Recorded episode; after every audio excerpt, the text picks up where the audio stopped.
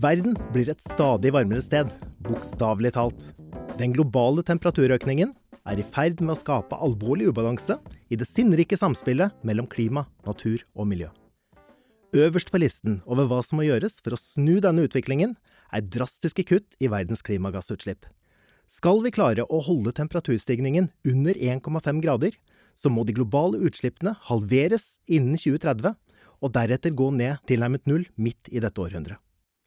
Vi vet at en svært stor andel av disse klimagassutslippene er knyttet til produksjon og bruk av energi. Og når vi nå skal gå fra fossilt til fornybart, så oppstår det nye behov for bl.a. å frakte og lagre energi.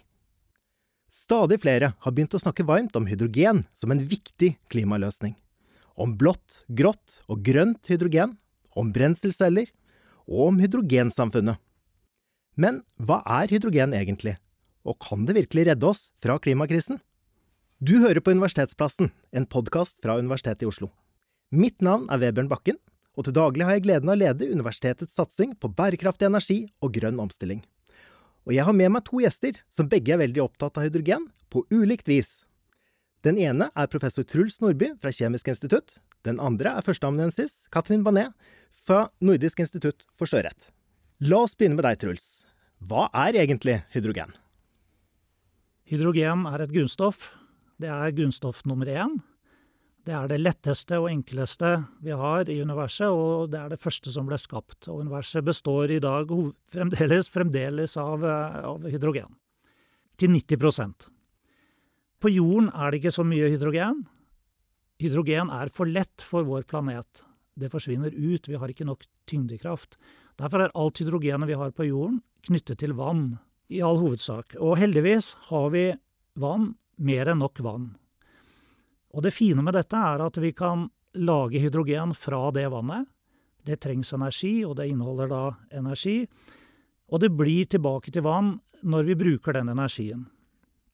For å få tak i det hydrogenet så bruker vi elektrolyse, i kommer vi til å gjøre i framtida, hvor vi bruker fornybar elektrisitet.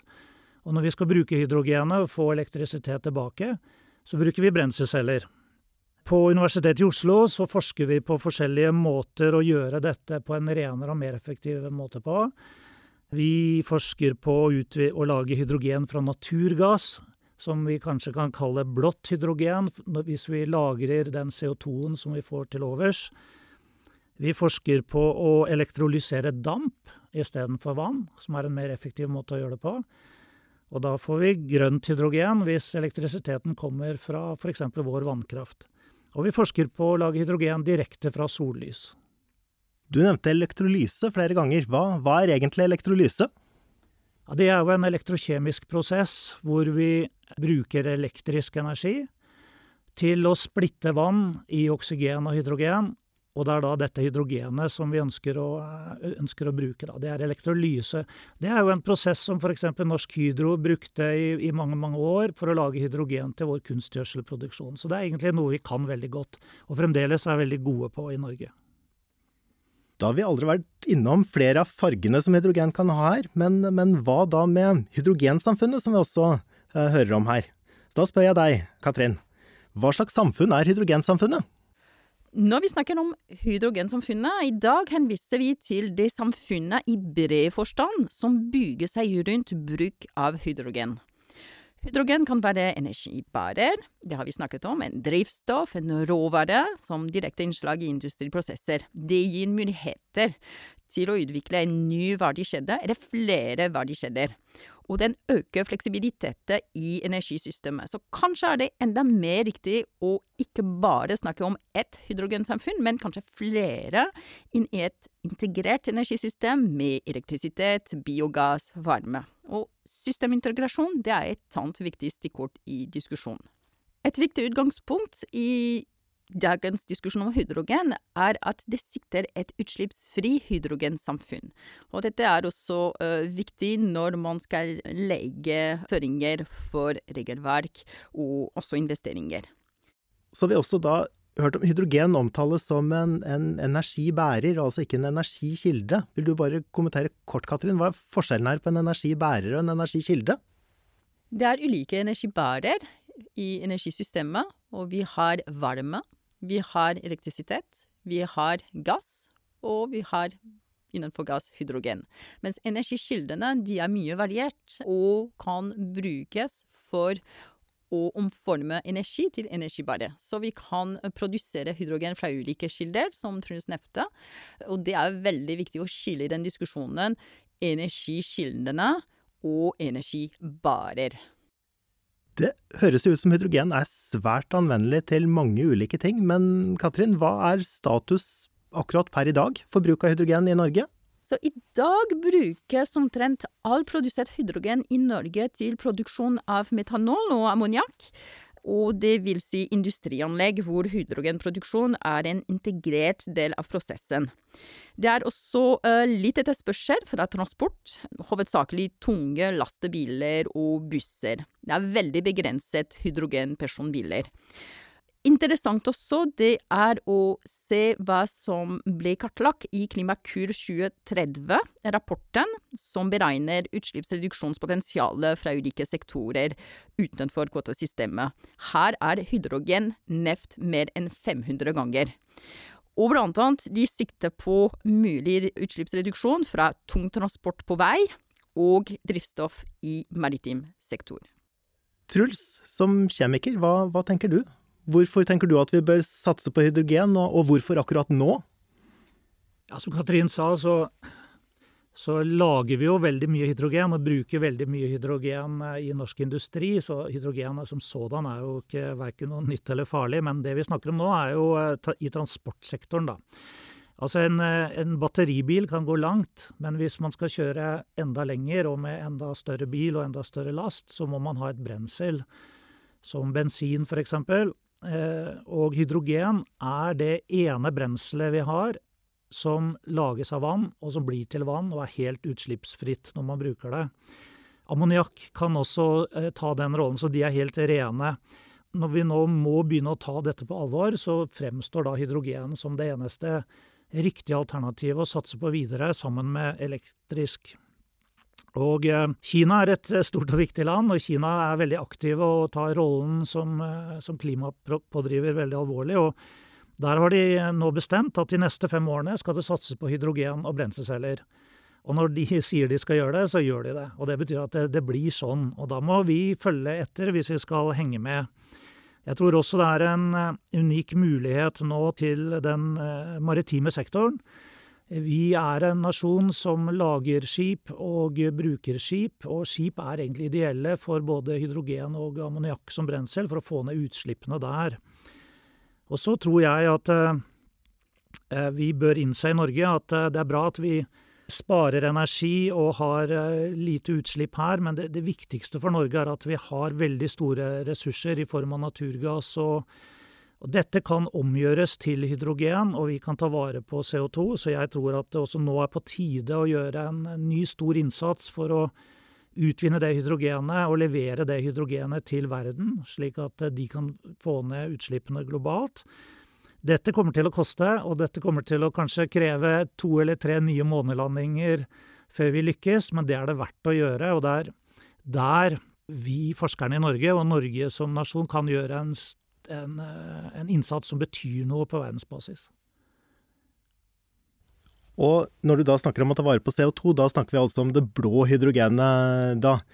Men Katrin, du kjenner jo EU sin energipolitikk godt. Hvordan passer dette her inn, og hvordan er det med EU i forhold til det med blått og grønt hydrogen? EUs hydrogensatsingen bidrar til å gjennomføre det såkalte EU Green Deal, strategi fra Europakommisjonen. EUs grønne giv på godt norsk. Den satsingen skal bane vei mot en klimanøytral Europa innen 2050 og skape nye arbeidsplasser. Så det er litt industripolitikk også. I sin strategi fra juli 2020 kommer Europakommisjonen med to klare signaler. Først, ren hydrogen vil spille en nøkkelrolle i avkarbonisering av energisystemet i Europa. Fossil energi skal på sikt ut av energimiksen og byttes ut med andre fornybare energikilder.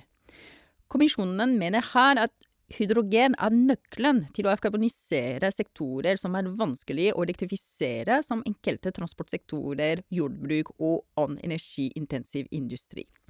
Og det er stor enighet om det. I tillegg har hydrogen stort potensial for lagring og distribusjon av fornybar energi fra kraftproduksjon, slik Truls nevnte.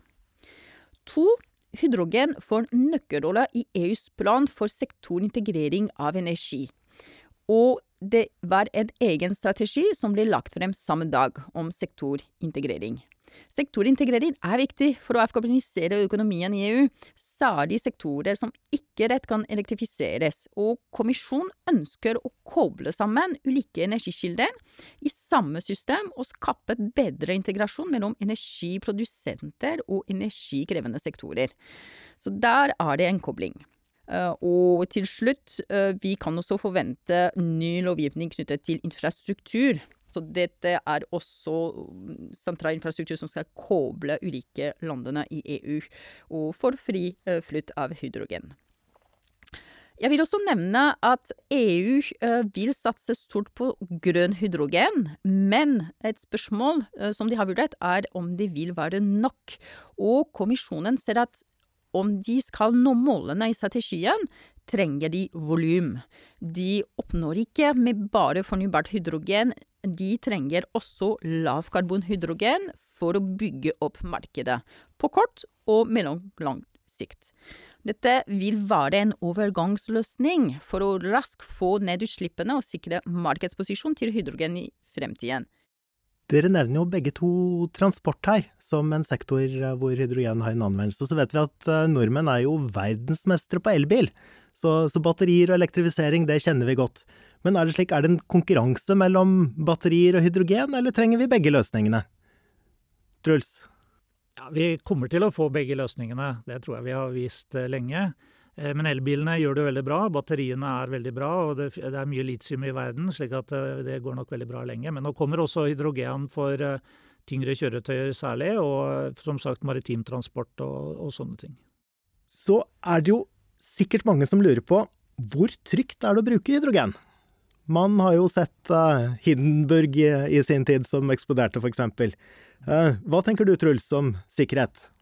Ja, Hindenburg eksploderte jo ikke, den brant opp. Og det var, det var duken stort sett som brant, og så forsvant hydrogenet opp. Men uh, hydrogen er jo kjent uh, og trygg teknologi fra mer enn 100 år tilbake. Så vet vi godt hvordan vi skal transportere og lagre hydrogen, og behandle det også under høyt trykk. Eh, i industrien. Eh, nå handler det jo om da å ta den ut på veien. Og da trenger man forskrifter og regler, og de har man. Så i hele verden, og i hvert fall i EU, og da også i Norge, så er det jo regler for hvordan biler skal være. Og hvordan fyllestasjoner skal bygges, og hvordan man skal gjøre dette her. Så, så, det er jo langt på vei på plass, og nå må vi få det også da for skip og sånne ting. Eh, men det er klart at eh, når du fyller en bil med nok energi til å ta den til Trondheim, eller til Bodø, så er det mye energi. Hvis alt det brenner opp på en gang, så blir det veldig varmt eller, og veldig farlig. Uansett om det er et batteri eller bensin eller hydrogen.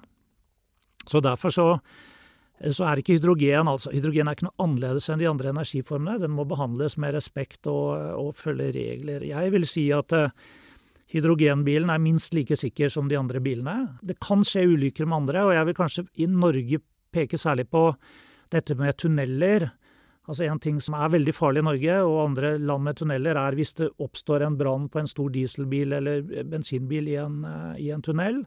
Så utvikles det giftige gasser. Man går tom for oksygen, det er sot, og det er farlig å være der.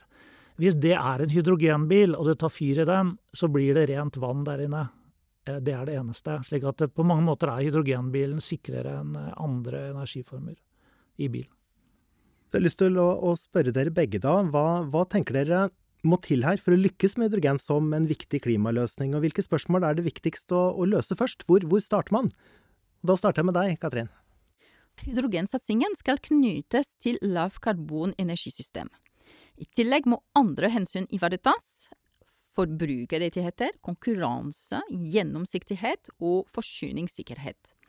Hydrogensatsingen skal bidra til disse målene, er det en overordnet visjon, men innenfor det må vi presisere veldig mye. Det er det vi jobber med, juristene på Universitetet i Oslo. Utforming av disse reglene. Først, hvor mye hydrogen kommer vi til å trenge? Vi trenger en visjon, helt klart, men trenger vi også et definert ambisjonsnivå i form av bindende mål, hva vil vi oppnå? Så det er utgangspunktet. Litt som for klimamål. Deretter klare regler for hvordan vi skal gjøre dette, hvilken type hydrogen vi vil ha, og det knytter seg veldig fort til spørsmålet om egenskaper til hydrogen, som for eksempel karbonfotavtrykk. Jeg mener vi må ha også en mer integrert energiplanering av både kraftsystemet og transportinfrastruktur, og sikre en mer omfattende og inkluderende planlegging av både produksjon for hele energisystemet og infrastrukturutvikling er veldig viktig, og hydrogen må være tatt i betraktning. Og så blir det spørsmål om markedet. Det er per i dag ingen marked for hydrogen som sådan, men det kommer til å utvikle seg fort. Og så blir det spørsmål om reguleringstilnærming. Vil vi regulere, eller la markedet bestemme? Til slutt trenger vi ikke bare de store prosjektene som leverer volum, vi trenger også noe som løser lokale utfordringer og bygger arbeidsplasser der lokalt. Så det er også et perspektiv som må ivaretas. Hva tenker du, Truls? Er det viktigste å ta tak i som, som realist og kjemiker? Kanskje, kanskje, man kan se det på tre skalaer, tenker jeg. Jeg, jeg syns jeg ser at eh, små bedrifter i Norge nå er veldig opptatt av dette. Eh, igjen må jeg se til dette med maritim. Vi har bedrifter som lager elektrolysører. Sånn at eh, det, det begynner å komme av seg sjøl, og der, de trenger regelverk og, og insentiver og, og, hjelp kanskje til å, til å komme i gang. Og så på litt større skala så har vi den store industrien. De, er, de, vet utmerket godt at de må skaffe sitt hydrogen eh, på en grønnere måte. Og jeg tror f.eks. Yara, som trenger hydrogen til ammoniakkproduksjon for kunstgjødsel, de er allerede godt i gang med å se hvordan det hydrogenet deres kan gå fra å være brunt eller grått i dag til å bli, til å bli blåere og grønnere. Men så tror jeg at eh, det, det, viktigste kanskje å si er at hele opinionen i Norge bør, bør dreies mot å prøve å overbevise politikere og, og, oss alle om at vi kan gjøre en enda større rolle. Spille en enda større rolle, nemlig å levere hydrogen til verden basert på vår energi, så rent som mulig. Vi er jo stolte av at vi leverer relativt ren naturgass til verden, og tenker at vi gjør verden en tjeneste på den måten, og det gjør vi sikkert. Men i framtida kan vi levere hydrogen og hydrogenteknologi, og da vil vi gjøre en enda viktigere innsats. Og det kommer til å koste tid og penger, og det mener jeg vi har, vi har råd til pengene, eh, men tiden er nå. Katrin snakket jo om egenskaper til, eh, til hydrogen, og ulike egenskaper her eh, da, knytta til blått og, og grønt osv. Men, men hvis man da har en hydrogenlastebil, eh, Truls, går den fortere hvis man kjører på grønt hydrogen? Eh, nei, men den, den, kjører med bedre samvittighet. Den, det kan man si. Og det er jo bedrifter i dag allerede som utnytter dette i reklame, holdt på å som også har et, en grønn profil, da, rett og slett. Vi har jo hørt nå en rekke ulike anvendelser her for hydrogen, så, så det virker som det er mange muligheter her uh, innen ulike sektorer. Men, men, er det slik, da? Uh, kan hydrogen redde verden, Truls? Hvis uh, å redde verden På en måte så mener jo vi nå at det handler om å stabilisere klimaet. Eh, det er det vi snakker om. Eh, uten et stabilt klima, et klima som løper løpsk, så vil eh, det ha mange, mange negative konsekvenser. Og vi må, vi må prøve å hindre det. og for det kreves det mange tiltak. Ingen tiltak klarer det alene. Det er mange tiltak, men hydrogen er definitivt ett av dem. Og Vi må huske på skalaen her. Det, vi snakker om store mengder energi, og hydrogen har en uendelig kilde eh, som bærer fra vann og det blir til vann. Jeg må bare gjenta det. slik at det er ingen grense for hvor stor del av den jobben hydrogen etter hvert kan gjøre og kommer til å gjøre, og på, på da permanent basis eh, langt inn i framtiden kommer, kommer, til å gjøre. Hvis jeg kan eh, supplere med én ting, det er at eh, som alt tror jeg at hydrogen er en del av løsningen, og må brukes og produseres hvor det bidrar mest mulig og er kostnadseffektiv og trygt. Så i dag syns jeg vi har en unik mulighet egentlig til å se energimiksen på en integrert måte, og så vurdere hvilken rolle de ulike energikildene og ulike energibarene kan spille i det. Så har vi jo hørt litt nå om, om hydrogensamfunnet her, men, men, er det slik at det her vil være veldig synlig? Er det slik at man kommer til Norge om ti år og tenker jøss, her er det et hydrogensamfunn? Eller merker man kanskje ikke så mye til det? Ja, Hydrogensamfunnet kommer ikke til å se noe annerledes ut enn samfunnet i dag. Jeg tror vanlige folk kommer bare til å merke at eh, vi fyller et annet drivstoff på eh, større kjøretøyer. Det blir eh, slutt på bensin og diesel, ganske enkelt. Det kommer til å bli forbudt etter hvert. Og da er det elektrisitet, lade opp eller fylle med hydrogen.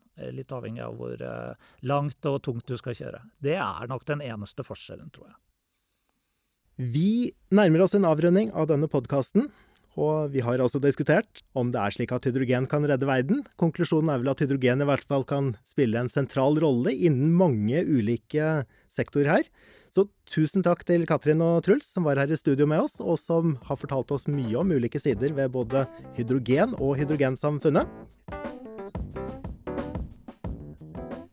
Vil du som lytter høre mer om hva som rører seg her på Universitetsplassen, anbefaler jeg at du abonnerer på oss i podkastappen din. Jeg heter Vebjørn Bakken og takker for følget.